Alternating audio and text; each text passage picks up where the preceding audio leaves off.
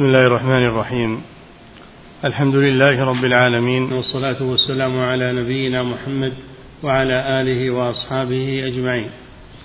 أما بعد قال المؤلف رحمه الله تعالى وينبغي أن يعرف أن عامة من ضل في هذا الباب أو عجز فيه عن معرفة الحق فإنما هو لتفريطه في اتباع ما جاء به الرسول وترك النظر والاستدلال الموصل إلى معرفته. بسم الله الرحمن الرحيم. الحمد لله رب العالمين. صلى الله وسلم على نبينا محمد وعلى آله وأصحابه أجمعين. يقول رحمه الله إن سبب ضلال من ضل في هذا الباب أي باب العقيدة هو أنه لم ينظر في كتاب الله عز وجل وفي سنة رسوله صلى الله عليه وسلم وإنما اعتمد على أقوال المتكلمين والمناطق أصحاب المنطق الذين يبنون عقيدتهم على العقليات ولا يبنونه على الكتاب والسنة. فلذلك ضلوا ضلت المعتزلة ضلت الجهمية ضلت المعتزلة ضلت الخوارج. ضل من ضل من الطوائف بسبب أنهم لم يأخذوا عقيدتهم. من الكتاب والسنة وما عليه سلف الأمة من الصحابة والتابعين ومن جاء بعدهم. هذا هو السبب الذي أوقعهم في اختلال عقيدتهم لأنهم بنوها على علم الكلام وعلم المنطق. المقدمات والنتائج وما أشبه ذلك ولم يبنوها على كتاب الله وسنة رسوله وما عليه سلف هذه الأمة. الذين قال عنهم الرسول صلى الله عليه وسلم لا تزال طائفة من أمتي على الحق ظاهرين لا يضرهم من خذلهم ولا من خالفهم. حتى يأتي أمر الله تبارك وتعالى. هذا هو المنهج السليم والصراط المستقيم. نعم. وينبغي أن يعرف أن عامة من ضل في هذا الباب أو عجز فيه عن معرفة الحق فإنما هو لتفريطه في اتباع ما جاء به الرسول. فرط في اتباع ما جاء به الرسول حصل عليه هذا الخلل في عقيدته. ولو أنه لم يفرط فيما جاء به الرسول واتبع الرسول صلى الله عليه وسلم فيما جاء به ودعا إليه وأرشد إليه لما حصل له هذا الضلال. الله جل وعلا قال وأن هذا صراطي مستقيما فاتبعوه ولا تتبعوا السبل فتفرق بكم عن سبيله ذلكم وصاكم به لعلكم تتقون هذا هو الله جل وعلا قال في سورة الفاتحة التي نقرأها في كل ركعة من صلاتنا قال اهدنا الصراط المستقيم هذا دعاء. اهدنا الصراط المستقيم. المعتدل. صراط الذين أنعمت عليهم. من هم الذين أنعم الله عليهم؟ جاءت بيانه في آية أخرى. من يطع الله والرسول فأولئك مع الذين أنعم الله عليهم. من النبيين والصديقين والشهداء والصالحين وحسن أولئك رفيقا. ذلك الفضل من الله وكفى بالله عليما. نعم. فإنما هو لتفريطه في اتباع ما جاء به الرسول وترك النظر والاستدلال الموصل إلى معرفته. نعم. فلما أعرضوا عن كتاب الله فلما أعرضوا عن كتاب الله ضلوا. كما قال تعالى فإما يأتينكم مني هدى فمن اتبع هداي فلا يضل ولا يشقى. ومن أعرض عن ذكري فإن له معيشة ضنكا ونحشره يوم القيامة أعمى. قال رب لما حشرتني أعمى وقد كنت بصيرا. قال كذلك أتتك آياتنا فنسيتها وكذلك اليوم تنسى. أي نعم. من أعرض عن ذكري يعني عن القرآن. وراح إلى علم المنطق وعلم الكلام وعلم الجدل و... وأعرض عن القرآن الكريم. فإن له معيشة ضنكا. قالوا هذا عذاب القبر يعذب في قبره. فإن له معيشة ضنكا أي يعذب في قبره. ونحشره. إذا بعث يوم القيامة من قبره يحشر أعمى لا يبصر. يستغرب. يسأل ربه ربي لم حشرتني أعمى؟ وقد كنت بصيرا يعني في الدنيا.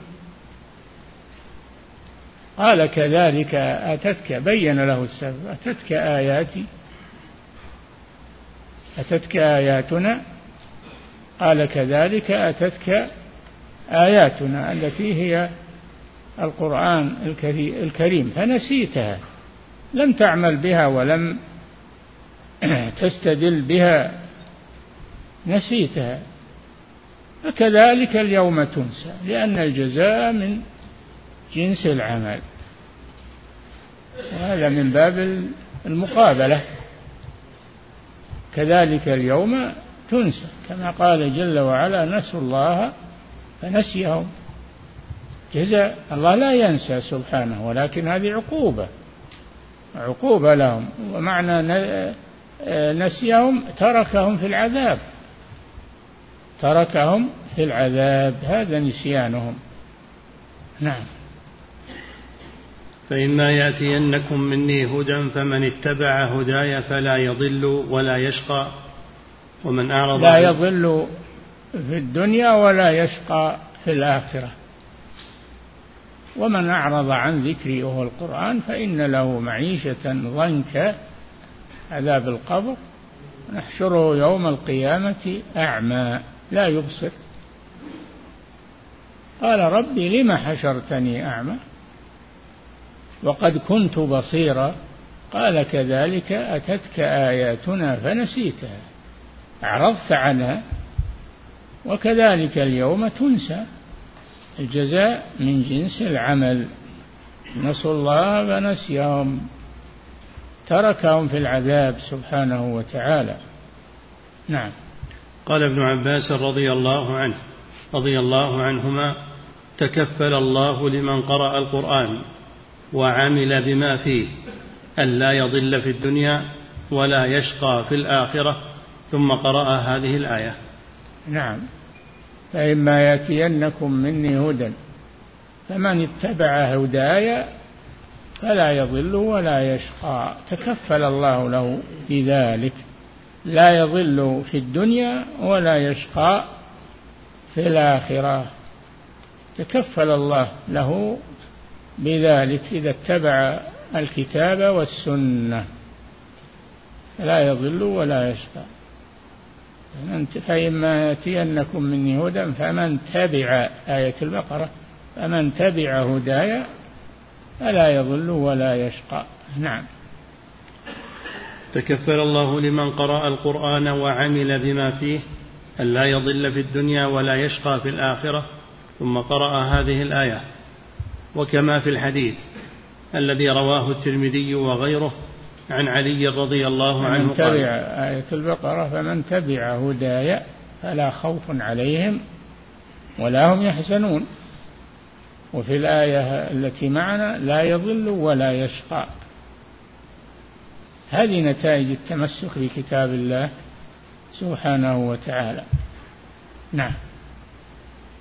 وكما في الحديث الذي رواه الترمذي وغيره عن علي رضي الله عنه قال قال رسول الله صلى الله عليه صلى الله عليه وسلم إنها ستكون فتن.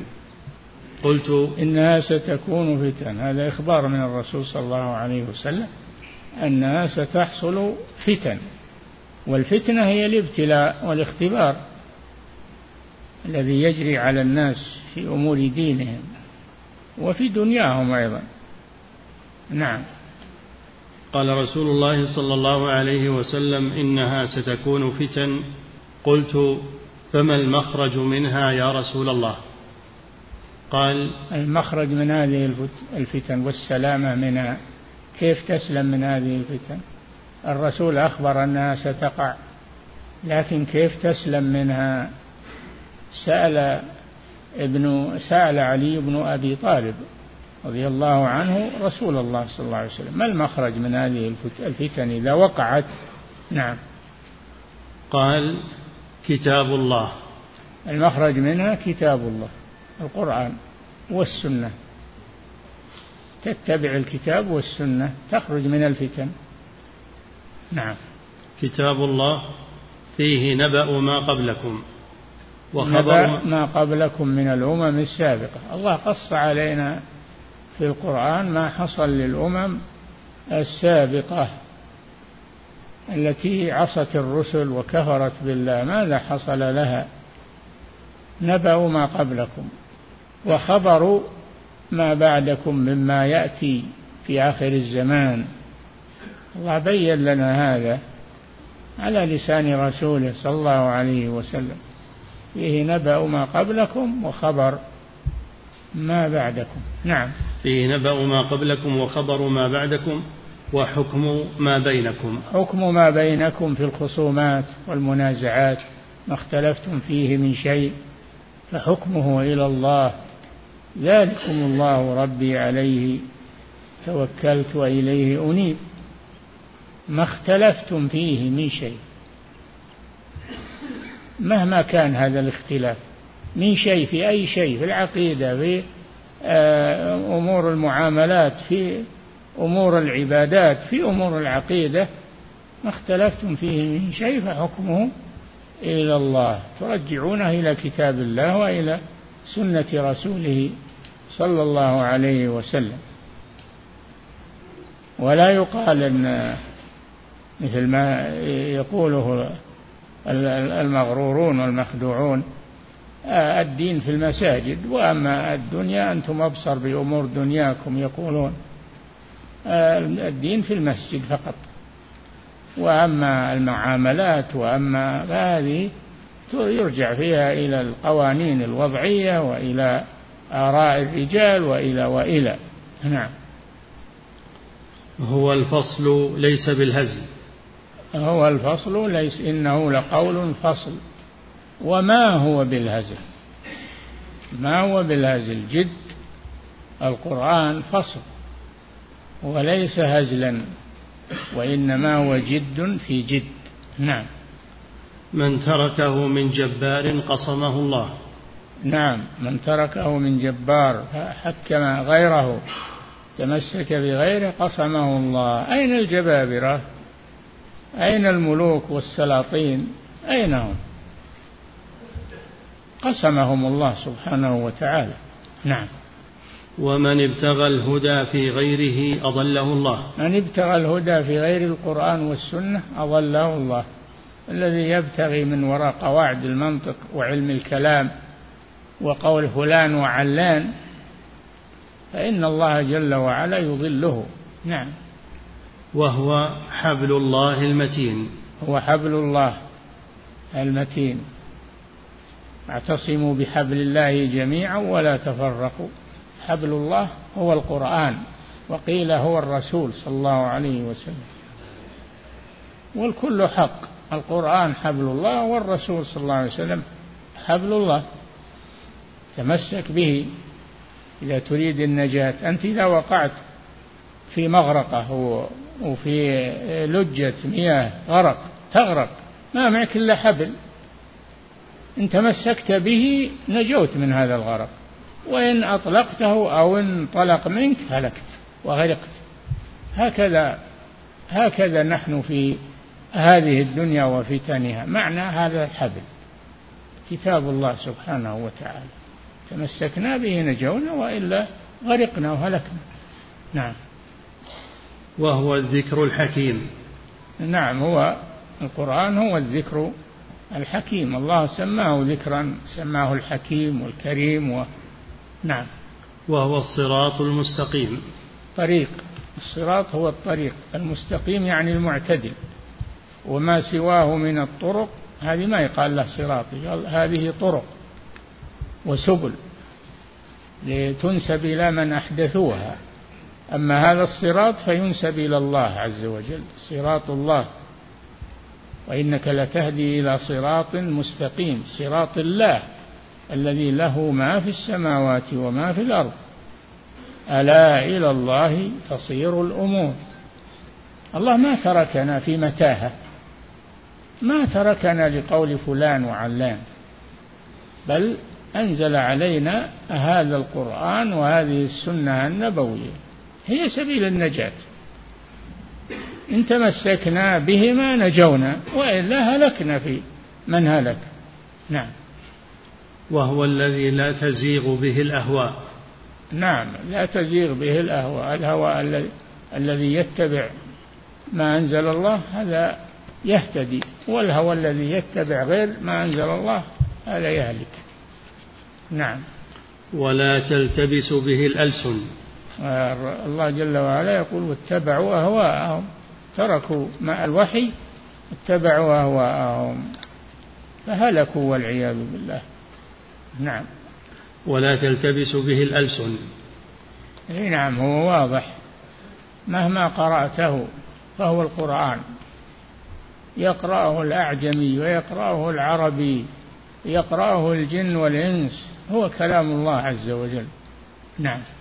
ولا تنقضي عجائبه. ما تنقضي عجائب القرآن اللي يتدبر القرآن ويتأمل ما ينتهي من عجائب القرآن كله عجائب. لأنه كلام رب العالمين كامل كلام كامل تام لا نقص فيه. نعم. ولا يشبع منه العلماء. لا يشبع منه العلماء العلماء خاصة. هم الذين لا يشبعون منه فدائما يتأملون ويتدبرون ولا تنتهي فوائد القرآن وهم لا يقطعون البحث مع هذا القرآن بل يستمرون على ذلك لأنهم في نعيم وفي سرور. فهم لا يتركون القرآن لا يتركون القرآن ويقولون خلاص اكتفينا و... لا. تمسكون بالقرآن دائما. هذا الذي يريد النجاة لنفسه ولغيره. نعم. من قال به صدق. من قال بالقرآن استدل بالقرآن صدق. نعم. ومن عمل به أجر. ومن عمل بالقرآن أجر. آه، أثابه الله. الأجر هو الثواب. نعم. ومن حكم به عدل.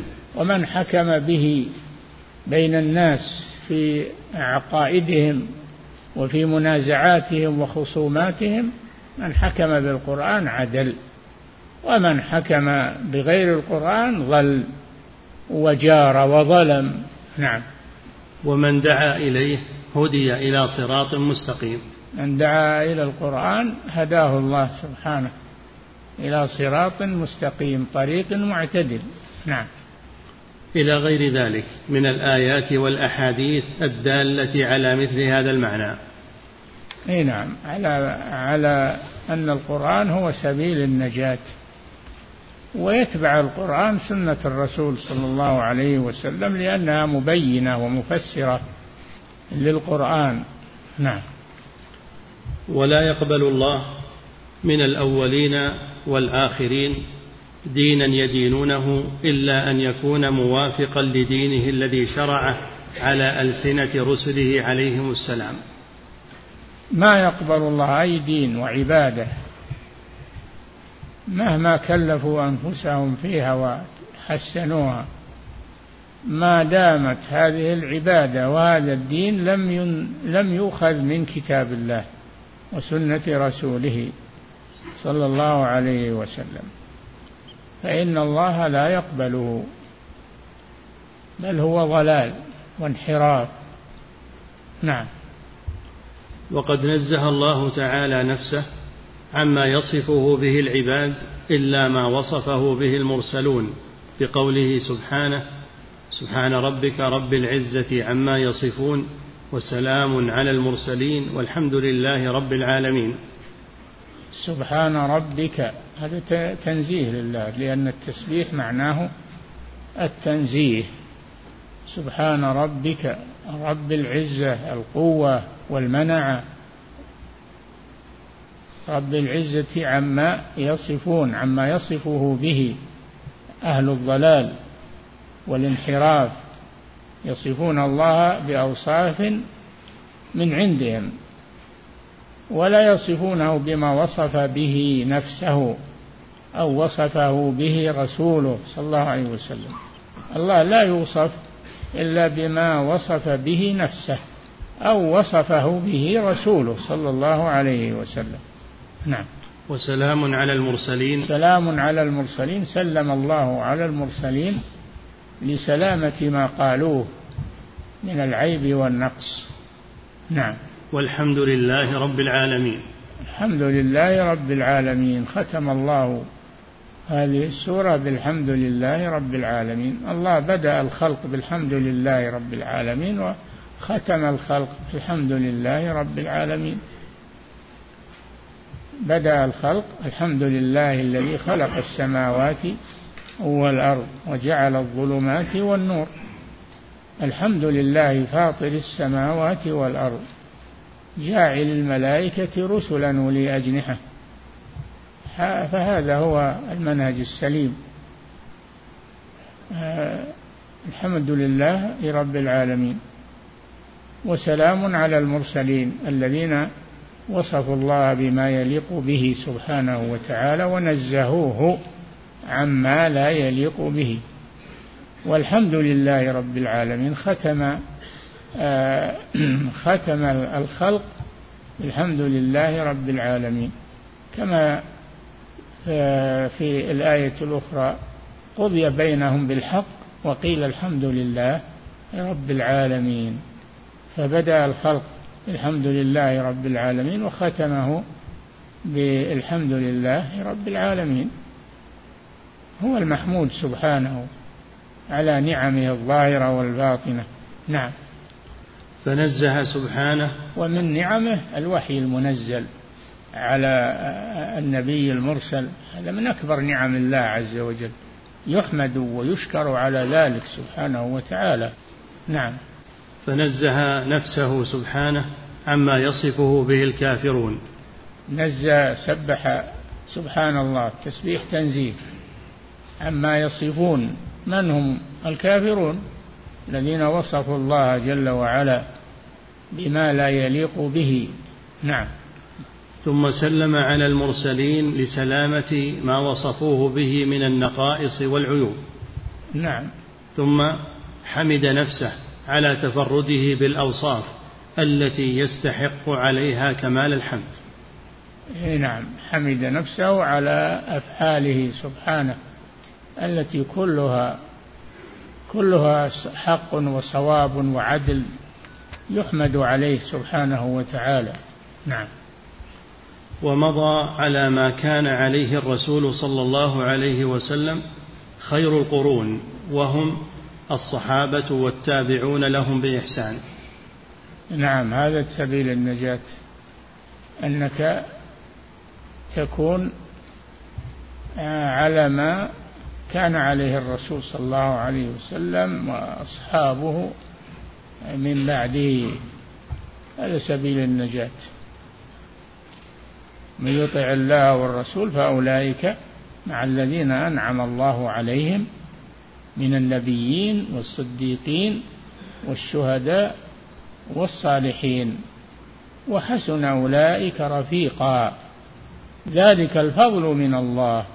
وكفى بالله عليما. يكون رفيقك هؤلاء هذا هو سبيل النجاة. يكون رفيقك إبليس وأعوانه وأهل الضلال والكفر هذا هو الخسران المبين. نعم. ومضى على ما كان عليه الرسول صلى الله عليه وسلم خير القرون وهم الصحابة والتابعون لهم بإحسان.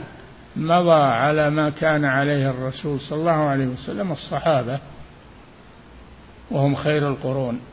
ثم من بعدهم التابعون تابعون لهم بإحسان الذين اتبعوهم بإحسان بإحسان يعني بإتقان ما هو انتساب فقط بل بمعرفة وعمل الانتساب وحده لا يكفي لا بد أن تحسن بأن تعرف ما هم عليه وتسير على منهجهم.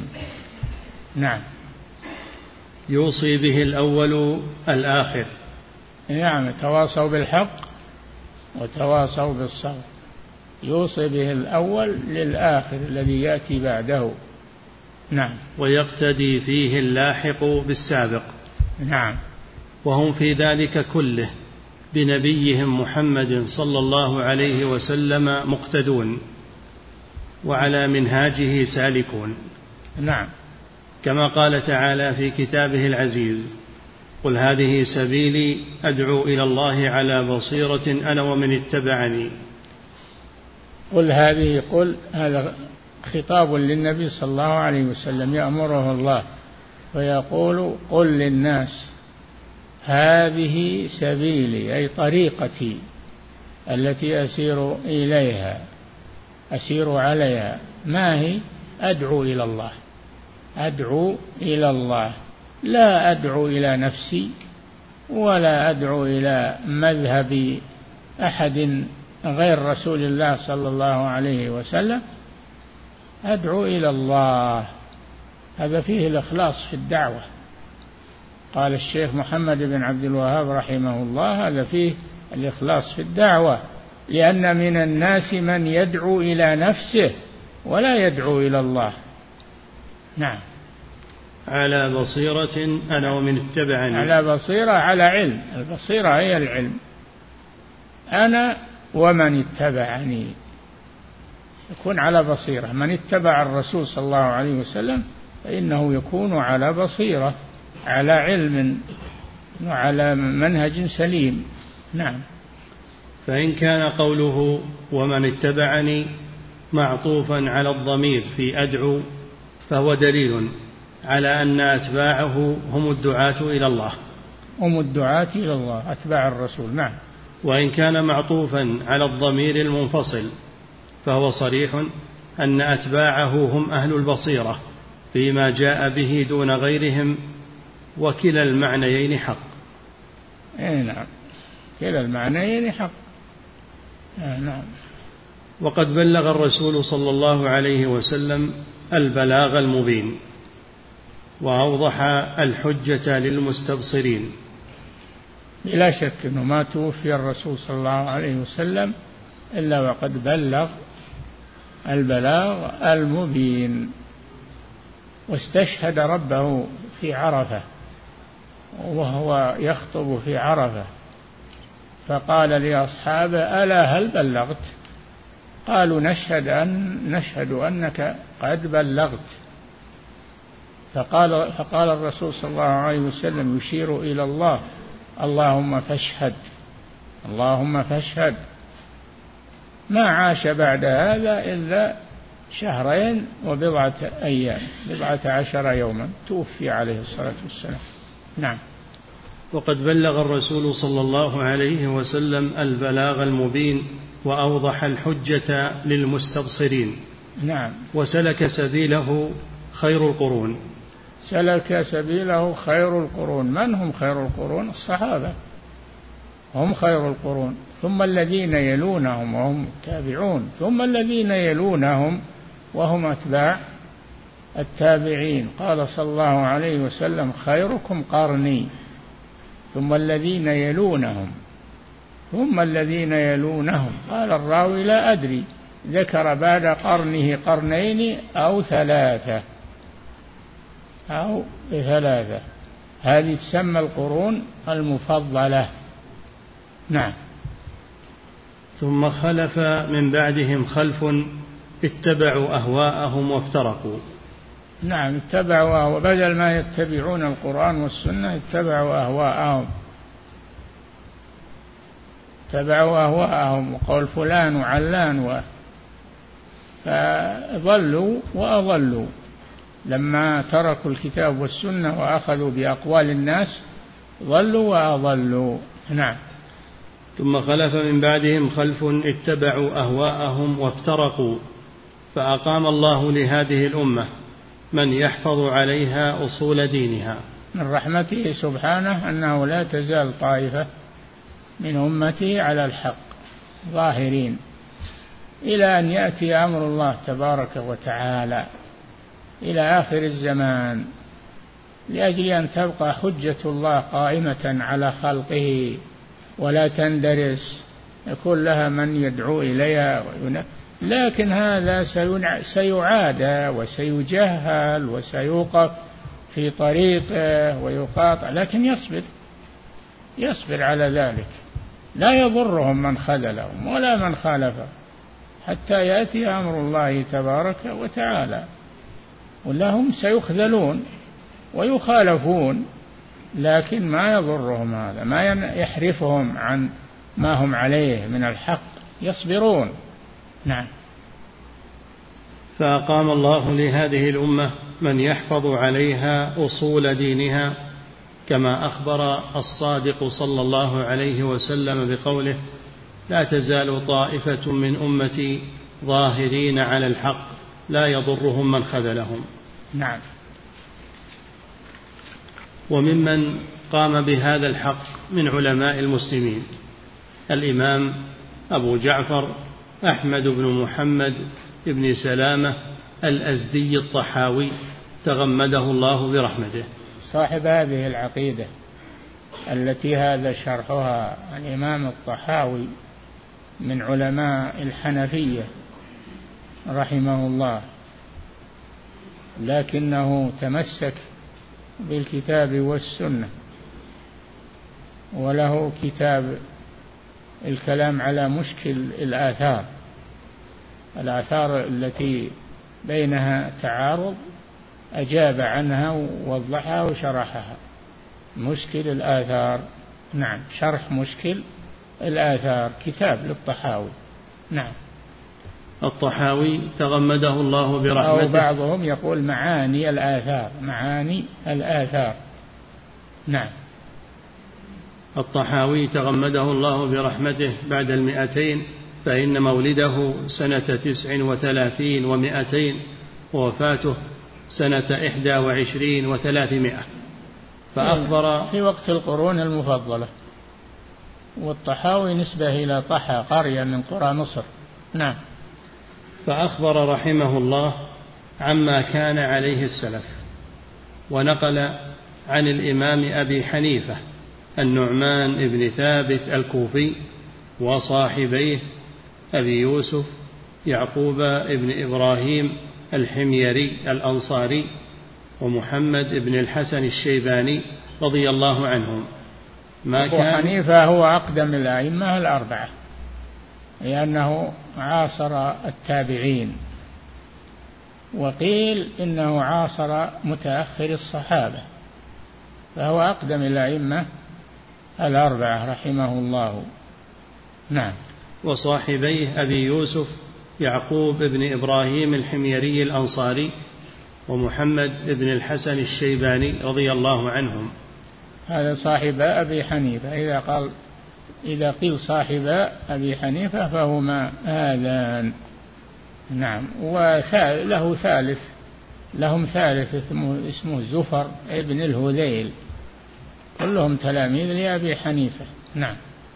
ما كانوا يعتقدونه من أصول الدين ويدينون به رب العالمين. نعم. وكلما بعد العهد ظهرت البدع وكثر التحريف. الذي سماه أهله تأويلا ليقبل. من سماه؟ أهله تأويلا ليقبل. أي نعم. التحريف آه، هم يسمونه تأويلا يقولون هذا تفسير للنصوص وبيان لمعانيها وهو تحريف وليس بيانا لمعانيها. نعم.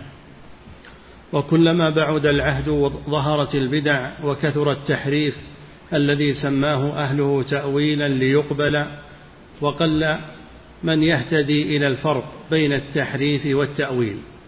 ولكن الله يقيض لهذه الأمة على رأس كل مائه سنة من يجدد لها دينها. يأتي المجددون. الذين يجددون هذا الدين وينفون عنه ما علق به من اللوثات ومن الأفكار الضالة يجددونه. نعم. وقل من يهتدي إلى الفرق بين التحريف أول المجددين عمر بن عبد العزيز رحمه الله. عمر بن عبد العزيز هو أول المجددين. نعم. وقل من يهتدي إلى الفرق بين التحريف والتأويل إذ قد سمي صرف الكلام عن ظاهره إلى معنى. قل من؟ ها؟ وقل من يهتدي إلى الفرق بين التحريف والتأويل. التأويل على قسمين تأويل صحيح وتأويل غير صحيح وهو تحريف الكلام عن عن مدلوله. يسمونه تأويل وهو تحريف ما هو تاويل نعم. وقل من يهتدي إلى الفرق بين التحريف والتأويل إذ قد سمي صرف الكلام عن ظاهره إلى معنى آخر يحتمله يحتمله اللفظ في الجملة تأويلا وإن لم يكن ثم قرينة توجب تأويل هو حمل اللفظ على حمل اللفظ عن ظاهره إلى معنى آخر غير ظاهر لدليل يدل على ذلك. إذا قام عليه دليل فلا بأس بهذا. أما تحريفه من غير دليل هذا لا يجوز. نعم. إذ قد سمي صرف الكلام. الأصل أن اللفظ يحمل على ظاهره. هذا هو الأصل. قد لا يراد به غير ظاهره. هذا على قسمين. إن كان عليه دليل صرف اللفظ عن ظاهره فهذا مقبول. إن كان لا دليل عليه فهذا تحريف وليس تأويلا ولا يقبل. نعم. وهذا هو الغالب على أهل الضلال. نعم.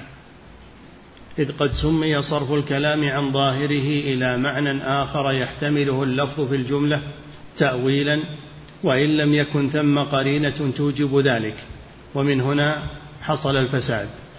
أي نعم. إذا كان التأويل لا دليل عليه يحصل الفساد. وإذا كان لدليل يدل عليه فهذا صحيح. نعم. هذا تأويل مقبول. نعم. فإذا سموه تأويلا قبل وراجع على من لا يهتدي إلى الفرق بينهما. الذي لا يفرق بين التأويل الصحيح والتأويل الذي هو التحريف. قل من يهتدي للفرق بينهما. نعم.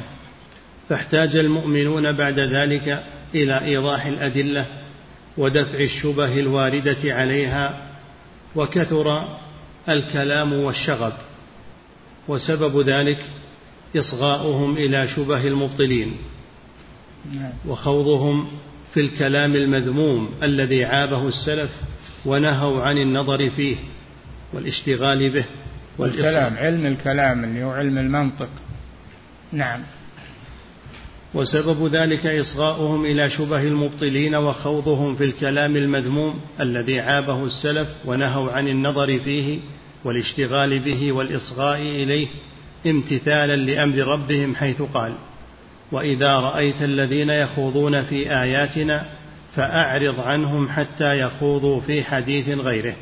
يقول الإمام الشافعي رحمه الله حكمي في أهل الكلام أن يضربوا بالجريد والنعال وأن يطاف بهم في الأسواق ويقال هذا جزاء من أعرض عن كتاب الله وسنة رسوله. نعم. ونهوا عن النظر فيه والاشتغال به والإصغاء إليه امتثالا لأمر ربهم حيث قال وإذا رأيت الذين يخوضون في آياتنا فأعرض عنهم حتى يخوضوا في حديث غيره. واما ينسينك الشيطان فلا تقعد مع القوم الظالمين. نعم. فإن معنى الآية يشملهم. نعم فإذا كان هناك جماعة مجتمعون يحرفون كلام الله ويؤولونه على غير تأويله فلا تقعد معهم. فلا تقعد. لا تقعد معهم لأن الله نهاك عن ذلك. نعم. وكل من التحريف والانحراف على مراتب فقد يكون كفرا وقد يكون فسقا وقد يكون معصية وقد يكون خطأ. نعم. فالواجب اتباع المرسلين واتباع ما أنزله الله عليهم. وقد ختمهم الله بمحمد صلى الله عليه وسلم فجعله آخر الأنبياء وجعل كتابه مهيمنا على ما بين يديه من كتب السماء. مهيمن يعني حاكم عليها. القرآن حاكم على ما سبقه من الكتب الإلهية. نعم. وأنزل عليه الكتاب والحكمة. الحكمة هي السنة. أنزل عليه الكتاب القرآن والحكمة هي السنة النبوية. نعم. وجعل دعوته عامة لجميع الثقلين الجن والإنس. هذا من خصائصه صلى الله عليه وسلم أن رسالته عامة لجميع الثقلين الجن والإنس لأنه لا نبي بعده صلى الله عليه وسلم. أما من قبله من الأنبياء فإن كل نبي يبعث إلى قومه خاصة وإلى عاد أخاهم هودا وإلى ثمود أخاهم صالحا كل نبي يرسل إلى قومه خاصة. وأما هذا الرسول فإنه بعث إلى الناس كافة وما أرسلناك إلا كافة للناس بشيرا ونذيرا. قل يا أيها الناس إني رسول الله إليكم جميعا. الذي له ملك السماوات والأرض لا إله إلا هو يحيي ويميت. فآمنوا بالله ورسوله النبي الأمي محمد صلى الله عليه وسلم هو, هو الأمي. لأنه لا يقرأ ولا يكتب. ومع هذا أنزل الله عليه القرآن الذي أعجز البلغاء والفصحاء والعلماء وهو أمي. لأنه كلام رب العالمين. النبي الأمي الذي يؤمن بالله وكلماته واتبعوه لعلكم تهتدون. نعم. وجعل دعوته عامة لجميع الثقلين الجن والإنس باقية إلى يوم القيامة. فهي عامة وهي أيضا باقية. لا تنسخ إلى يوم القيامة إلى أن تقوم الساعة. لا تنسخ ولا تبدل ولا تغير. نعم. وانقطعت به صالحة لكل زمان ومكان.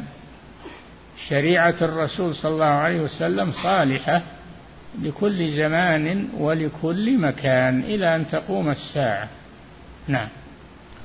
وانقطعت به حجة العباد على الله. نعم. وقد بين الله به كل شيء. أن تقولوا ما جاءنا من بشير ولا نذير. فقد جاءكم بشير ونذير والله على كل شيء وكيل. نعم. وقد بين الله به كل شيء وأكمل له ولأمته الدين خبرا وامرا. نعم خبرا عما عما سبق وامرا الذي هو التشريع والحكم. نعم. وجعل طاعته طاعة له. تمت كلمة ربك صدقا وعدلا تمت كلمة ربك صدقا في أخبارها وعدلا في أحكامها. نعم. وجعل طاعته طاعة له ومعصيته معصية له. من يطع الرسول ها فقد أطاع الله. ومن تولى فما أرسلناك عليهم حفيظا. من يطع الرسول فقد أطاع الله. نعم. جعل طاعته نعم. وجعل طاعته طاعة له ومعصيته طاعته. طاعة لله. له يعني لله. نعم. من يطع الرسول فقد أطاع الله. نعم. ومعصيته معصية له. ومن تولى فما أرسلناك عليهم حفيظا. الرسول عليه البلاغ. أما أنه يهدي الناس لا. هذا إلى الله جل وعلا. إنك لا تهدي من أحببت ولكن الله يهدي من يشاء وهو أعلم بالمهتدين. نعم. وأقسم سبحانه بنفسه أنهم لا يؤمنون حتى يحكموه فيما شجر بينهم. فلا وربك لا يؤمنون حتى يحكموك فيما شجر بينهم ثم لا يجدوا في صدورهم حاجة مما قضيت ويسلموا تسليما. نعم. وأخبر أن المنافقين يريدون أن يتحاكموا إلى غيره. أي نعم. وأنهم أن يتحاكموا إلى الطاغوت. وقد أمروا أن يكفروا به. نعم.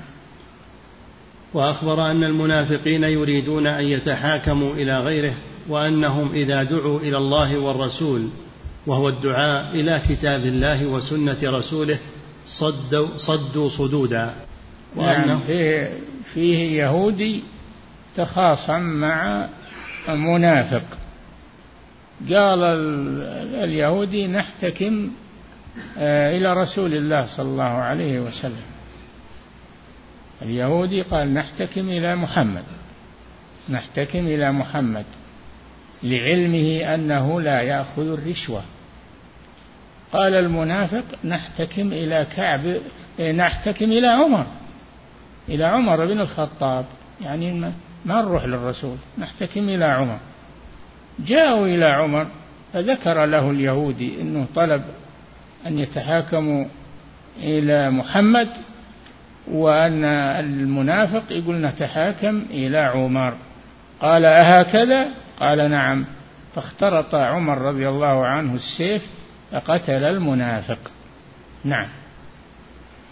وأنهم إذا دعوا إلى الله والرسول وهو الدعاء إلى كتاب الله وسنة رسوله صدوا صدودا وأنهم يزعمون أنهم إنما أرادوا إحسانا وتوفيقا. نعم. وكما يقوله كثير من المتكلمة والمتفلسفة وغيرهم إنما نريد أن نحس الأشياء بحقيقتها. أي نعم علماء الكلام ومن جاء على منهجهم يحكمون غير الشريعة في المنازعات ويقولون حنا قصدنا الإصلاح نصلح بين الناس. كيف إذا أصابتهم مصيبة آه، كيف جاءوك يحلفون بالله؟ إن أردنا إلا إحسانا وتوفيقا.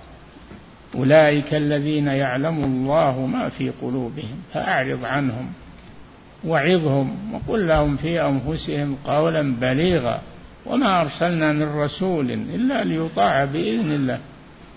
ولو أنهم ظلموا أنفسهم جاءوك فاستغفروا الله واستغفر لهم الرسول لوجدوا الله توابا رحيما. هذا في حياة الرسول. يذهبون إليه يستغفر لهم. أما بعد موته فلا أحد يذهب إلى قبره ويقول يا رسول الله استغفر لي. ما كان الصحابة يعملون هذا. فالآية إنما هي في حياة الرسول صلى الله عليه وسلم. أهل الضلال أخذوها على عمومها بعد وفاة الرسول. صاروا يذهبون إلى القبر ويعتذرون ويطلبون من الرسول أن يسمح لهم ويطلبون منه أن يستغفر لهم وإلى آخره. نعم. وكما يقوله كثير من المتكلمة والمتفلسفة وغيرهم إنما نريد أن نحس الأشياء بحقيقتها أي ندرك أو أي ندركها ونعرفها. ونريد التوفيق بين الدلائل التي يسمونها العقليات وهي في الحقيقة جهليات. وبين الدلائل النقلية المنقولة عن الرسول أو نريد التوفيق بين الشريعة والفلسفة. اي نعم. مثل اللي الآن يحاولون يفكون بين الشريعة والقانون يقولون كله خص كله حكم بين الناس. نقول لا هو حكم لكن هذا حكم كفر وهذا حكم حق. نعم. وكما يقوله كثير من المبتدعة من المتنسكة والمتصوفة إنما نريد لأن تحكيم الشريعة ما هو بالقصد منه فقط العدل. القصد منه التعبد لله عز وجل عبادة لله. قبل مسألة العدل في الحكم. نعم. وكما يقوله كثير من المبتدعة من المتنسكة والمتصوفة إنما نريد الأعمال بالعمل الحسن والتوفيق بين الشريعة وبين ما يدعونه من الباطل الذي يسمونه حقائق وهي جهل وضلال. نقف عند هذا. نعم. فضيلة الشيخ وفقكم الله. هذا سائل يقول هناك من يدعي رؤية النبي صلى الله عليه وسلم في المنام وأنه قد سأل النبي عليه الصلاة والسلام فأجابه عن أسئلته ثم طلب منه الرسول أن يكتب هذه الإجابة أو يكتب هذه الوصايا في ورقة ثم ينشرها. ما الموقف من هذه الأمور؟ رؤية الرسول صلى الله عليه وسلم الرؤية الصحيحة في المنام لا تكون إلا لمن يعرف الرسول صلى الله عليه وسلم ويعرف صفات الرسول لأن الشيطان لا يتمثل بالرسول صلى الله عليه وسلم في صورته الحقيقية. لكن من لا يعرف الرسول ولا صفات الرسول يجيه الشيطان يقول أنا الرسول. يجيه الشيطان ويقول له أنا الرسول. يصدقه لأنه ما يعرف صفات الرسول ولا يفرق بينه وبين غيره. فلا يجوز العمل برؤية الرسول إلا لمن يعرف صفات الرسول صلى الله عليه وسلم. الفارقة. بينه وبين غيره. نعم. فضيلة الشيخ وفقكم الله في قوله عز وجل نسوا الله فنسيهم هل معنى صفة النسيان هنا أي تركهم؟ أي نعم تركهم في العذاب. ما نسيهم ذهل عنهم. لا الله منزه عن الذهول. إنما النسيان هنا تركهم في العذاب. نعم. فضيلة الشيخ وفقكم الله جاء عن رسول الله صلى الله عليه وسلم أنه قال أنتم أعلم بشؤون دنياكم. يقول هل هذا على إطلاقه؟ لا مو على إطلاقه. هذا في تلقيح النخل وضع طلع الفحال في طلع الأنثى حتى يصلح الثمر. هذا معناه لأن الرسول صلى الله عليه وسلم قال لهم مرة لا تلقحوا النخيل إن شاء الله صلحت ولا ولا حاجة. فتركوا التلقيح فخربت النخيل. جاءوا يشتكون إلى الرسول صلى الله عليه وسلم. قال أنتم أعلم بشؤون دنياكم. الرسول ما جاء يعلم الناس التلقيح ويعلمهم آه، الصناعات والمهن والحرف. هذه إليهم هم اللي يعرفونه. وأما الوحي فهو خاص بالشرائع وفي آه، علوم الغيب وفي الأمور التي لا يعرفها البشر. نعم. أما المهن والحرف آه، والطب والهندسة والزراعة وإلى آخره هذه هم أعلم بها. الرسول ما جاء يعلم الناس هذه الأمور. نعم. فضيلة الشيخ وفقكم الله هذا سائل من خارج هذه البلاد يقول في بلدنا عندما ينتهي الناس من مجالسهم فإنهم يختمون المجلس بقراءة هذه الآيات. سبحان ربك رب العزة عما يصفون وسلام على المرسلين والحمد لله رب العالمين. فهل هذا الأمر مشروع؟ لا المشروع ما جاء في الحديث خاتمة المجلس. سبحانك اللهم بحمدك أشهد أن لا إله إلا أنت أستغفرك وأتوب إليك. هذه كفارة المجلس. إن كان المجلس فيه ما لا يرضى صار كفارة وإن كان المجلس مجلس خير تكون كالطابع عليه. نعم. فضيلة الشيخ وفقكم الله هذا سائل يقول هل تنصحون حفظكم الله باختصار هذا الشرح من بعض طلبة العلم حتى يتمكن من الاستفادة منه؟ لا ما ننصح بهذا. من هو اللي يقدر على اختصار هذا الشرح من هو ما ما ما أشوف أحد يقدر على هذا. نعم. فضيلة الشيخ وفقكم الله هل يقال بأن التسبيح في قوله سبحانه سبحان ربك رب العزة عما يصفون معناه النفي والتحميد في قوله الحمد لله رب العالمين؟ يقول هل يقال بأن التسبيح في قوله سبحان ربك رب العزة عما يصفون معناه النفي والتحميد في قوله الحمد لله رب العالمين معناه الإثبات. أي نعم سبحان ربك. أي, أي, أي تنزيها لله سبحانه وتعالى. عما يصفه به الكفار والمشركون والملاحدة. عما يصفون. وسلام على المرسلين لأن المرسلين وصفوا الله بما يليق به ونفوا عنه ما لا يليق به.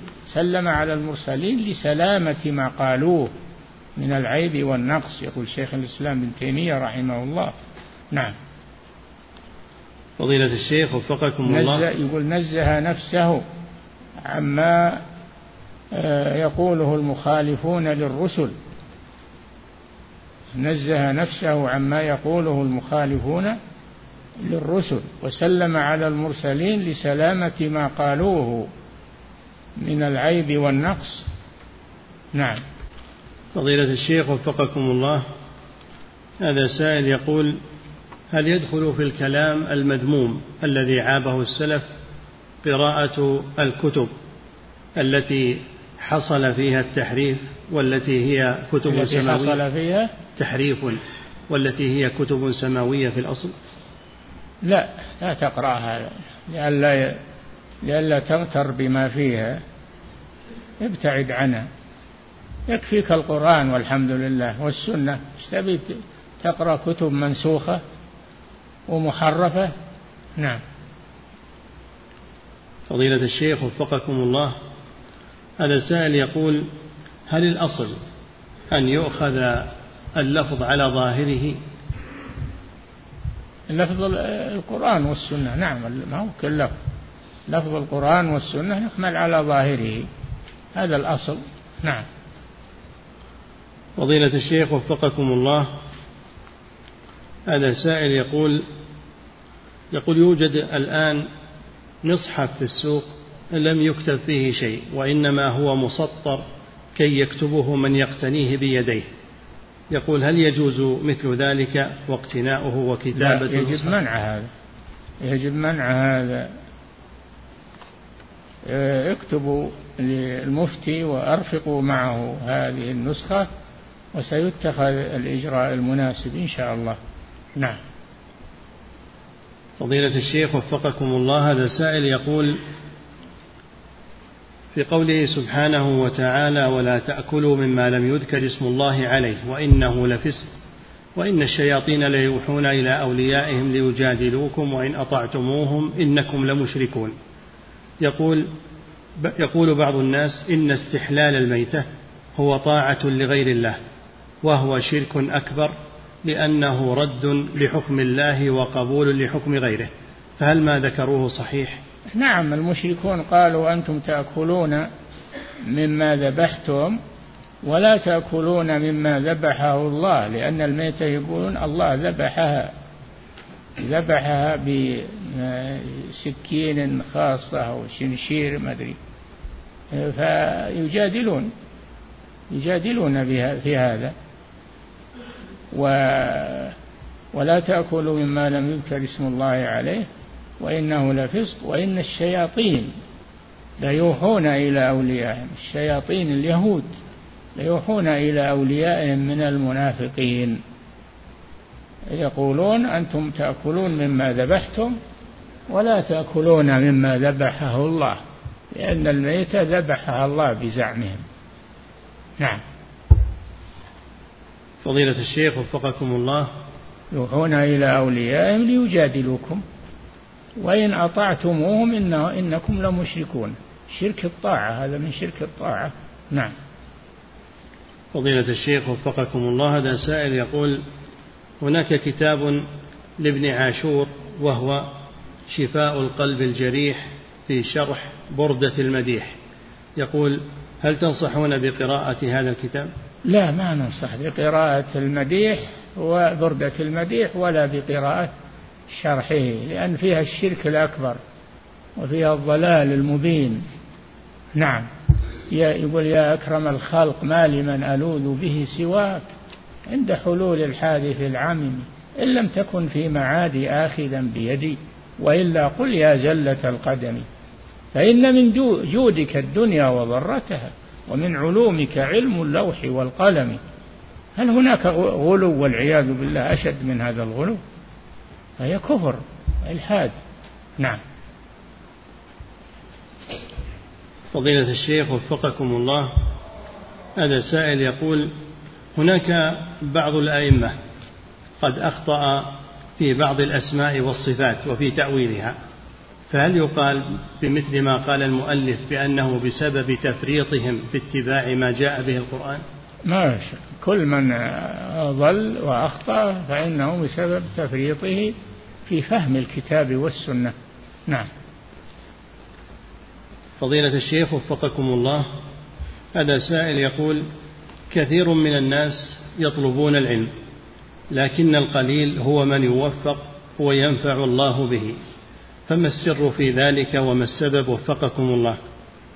السر في ذلك أمران والله أعلم. أولا من هو اللي يقرأون عليه؟ لا بد أن يكون من أهل الحق. ومن علماء المسلمين المعتبرين المعترف بهم. ولا بد مع هذا نخلص النية لله عز وجل في طلب العلم. نعم.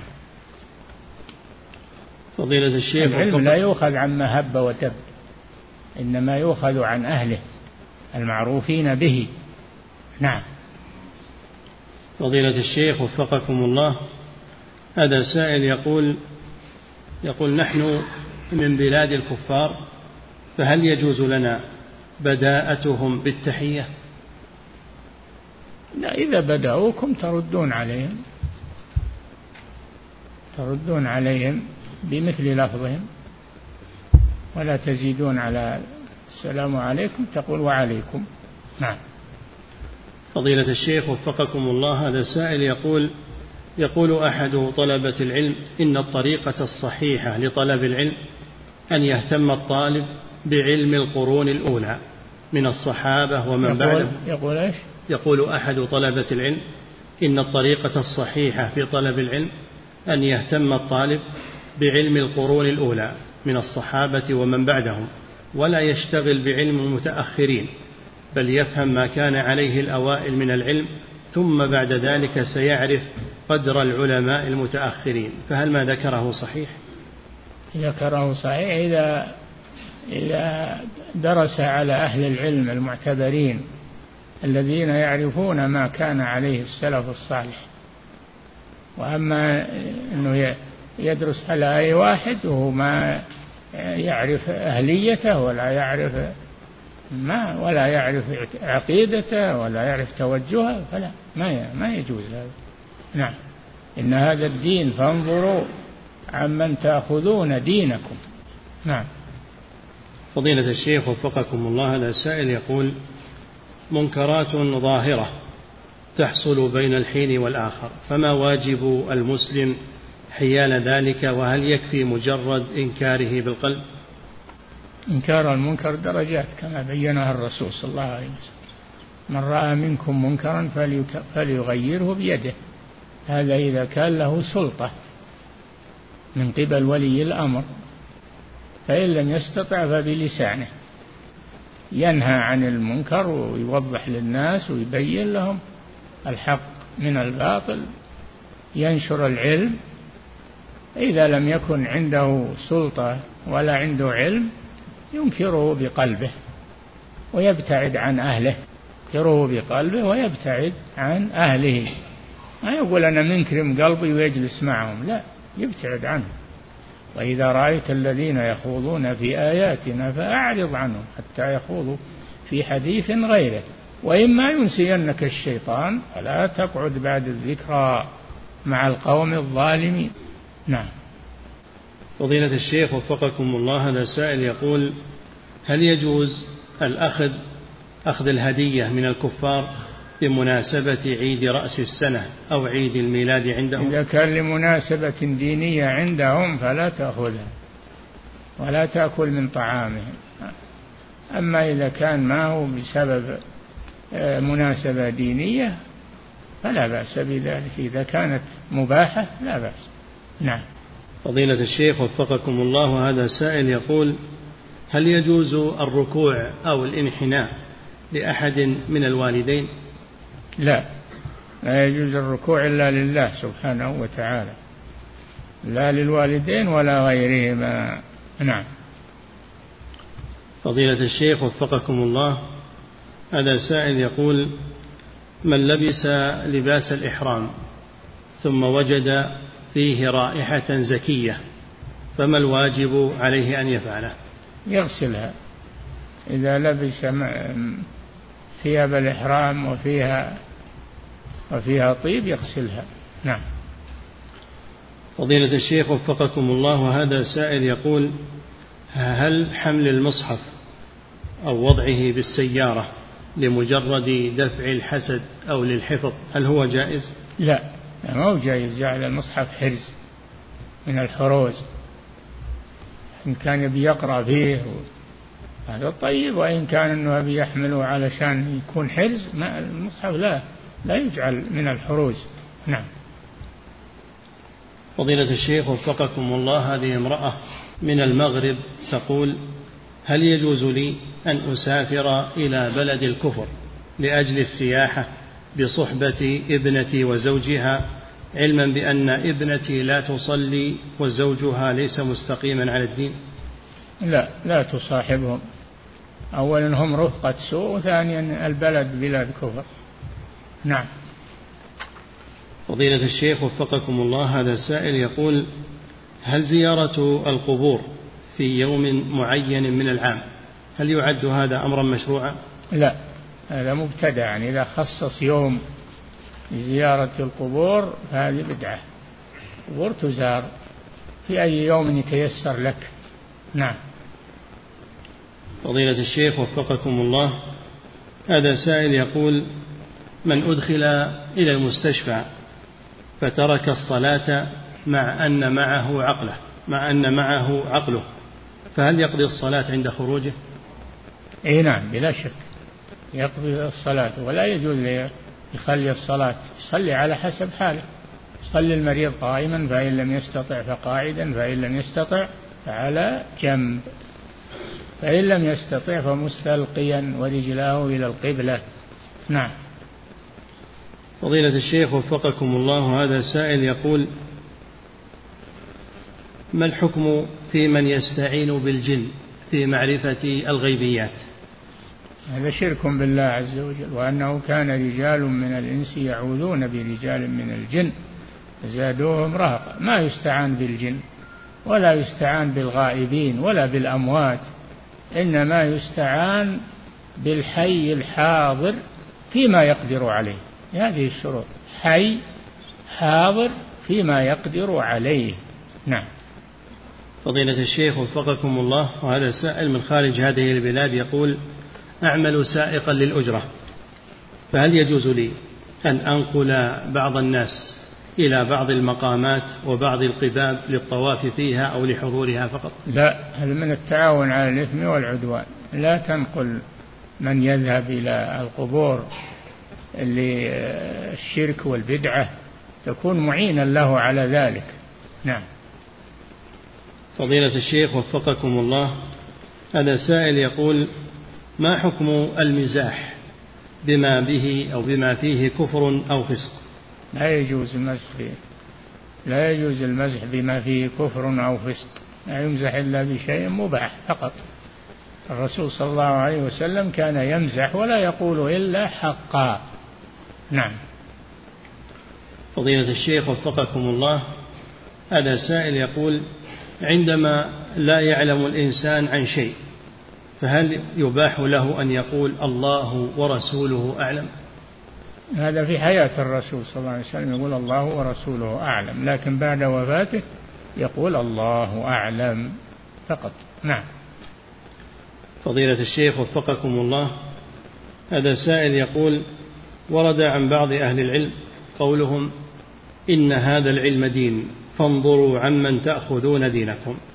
سؤاله هل نحتاج إلى أن نسأل عن حال المشايخ وطلبة العلم الذين يدرسون في الجوامع في هذه البلاد المباركة؟ يا أخي ما يدرس واحد إلا معه رخصة من وزارة الشؤون الإسلامية. ما ما هو كل يدرس لازم يكون متخرج أول. تخرج من كلية الشريعة ومن كلية أصول الدين. معه شهادة. ثانيا لا بد من إذن المسؤولين عن هذا الأمر. نعم. فضيلة الشيخ وفقكم الله هذا سائل يقول أنا أعمل في هذه البلاد وزوجتي في بلدنا فهل يجوز أن يوصل أن يوصل أخي أن يوصل أخي زوجتي إلى المستوصف أو إلى الطبيب أو إلى أهلها وهما لوحدهما. في البلد الأمر الأمر خفيف. ما داموا في البلد أما السفر لا ما يجوز. لكن في البلد عند الحاجة وتحجب عنه ولا تركب إلى إلى جنبه لا بأس بهذا. نعم. فضيلة الشيخ وفقكم الله هذا سائل يقول هذه العبارة وهي لا سمح الله لا قدر الله هل هي جائزة؟ ها؟ يقول هذه العبارة وهي لا سمح الله أو لا قدر الله هل هي عبارة جائزة؟ ما يظهر لي مانع لأنها نوع من الدعاء نعم فضيلة الشيخ وفقكم الله ورد عن النبي صلى الله عليه وسلم أنه قال أمسك عليك لسانك وليسعك بيتك وابك على خطيئتك يقول ما معنى قوله وليسعك بيتك؟ الاعتزال. اللي ما في مخالطته للناس مصلحة دينية بأن يدعو إلى الله ويذكر و... لا يخالطهم يبقى في بيته. نعم. فضيلة الشيخ وفقكم الله هذا سائل يقول عندما يفقد الإنسان شيئا فهل ورد أنه يقول هذه الآية إنه على رجعه لقادر لعدد مئتي مرة وأنه سيلقى ذلك. ما ورد هذا. هذا ما ورد. نعم. فضيلة الشيخ وفقكم الله. وهذا سائل يقول هل من المشروع للمسلم إذا كان في حالة غضب أن أن يصلي على النبي صلى الله عليه وسلم؟ لا يستعيذ بالله من الغضب من الشيطان. يستعيذ بالله من الشيطان الرجيم. وإما ينزغنك من الشيطان نزغ فاستعذ بالله. نعم. فضيلة الشيخ وفقكم الله هذا سائل يقول بعض الناس في بلدنا عندما يريدون حفظ شيء معين فإنهم يضعونه بجوار القبور وعند الأولياء. يقول فهل هذا مخل بعقيدتهم؟ بلا شك هذا استعانة بالأموات. هذا استعانة بالأموات. هذا شرك لا يجوز. نعم. فضيلة الشيخ وفقكم الله وهذا سائل يقول هل يجوز للراقي أن يمس شيئا من بدن المرأة التي يرقيها؟ لا. ينفذ عليها ولا يمسها ولا يخلو بها يكون عند محرم. نعم. فضيلة الشيخ وفقكم الله. هذا سائل يقول يقول إن لديه مرضا في دبره أعزكم الله ويضع مرهما على فتحة الدبر. يقول يكون هناك شيئا من هذا المرهم على ملابسه فهل تعد غير طاهرة؟ إن كان المقصود المرهم فقط المرهم طاهر. ما هو شيء خارج من من الدبر المرهم طاهر.